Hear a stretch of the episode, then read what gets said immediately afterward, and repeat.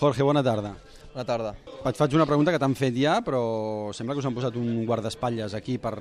i no sé si vosaltres en teniu algun coneixement, si l'havíeu demanat o... No, fue- ha sido lo mismo que en Valencia. En Valencia también tuvimos tuvimos al- algún guardaespaldas y bueno, por lo que pudiese pasar, simplemente, ¿no?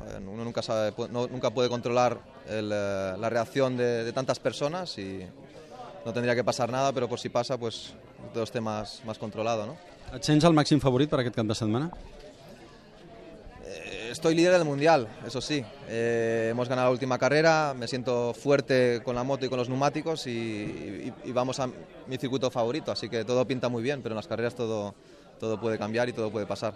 Vull demanar-te l'opinió del mercat, perquè hem tingut quatre fitxatges aquesta setmana, la renovació del Dani, la del, la del Dobby, Sí, sí. eh, el fitxatge del Maverick en el teu lloc i i l'Andrea que se'n va a Suzuki. En primer lloc, què et sembla el Maverick a la teva moto?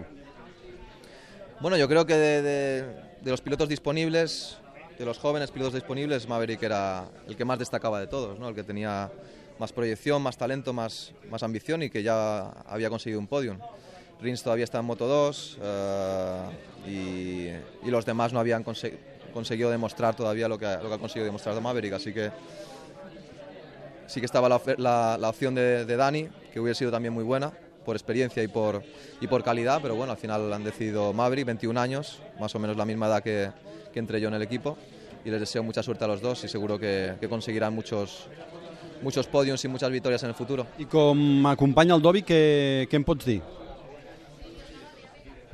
Bueno, al final los, los dos me iban bien. Eh, quiero decir, Dovicioso es un piloto de siempre muy inteligente, muy lógico, gran probador, por lo que he escuchado, y seguro que hará un gran trabajo en, Ducati, pero Janone también era es, un piloto muy rápido y, y en cuanto a estilo de pilotaje más parecido al mío, o sea que hubiese, hubiese sido también un gran compañero de equipo, pero al final Dovicioso es el, el, el- el que será mi futuro compañero de equipo y estoy, estoy contento de que sea así. Molta sort. Muy bien, A dins i a fora de la pista. Gracias.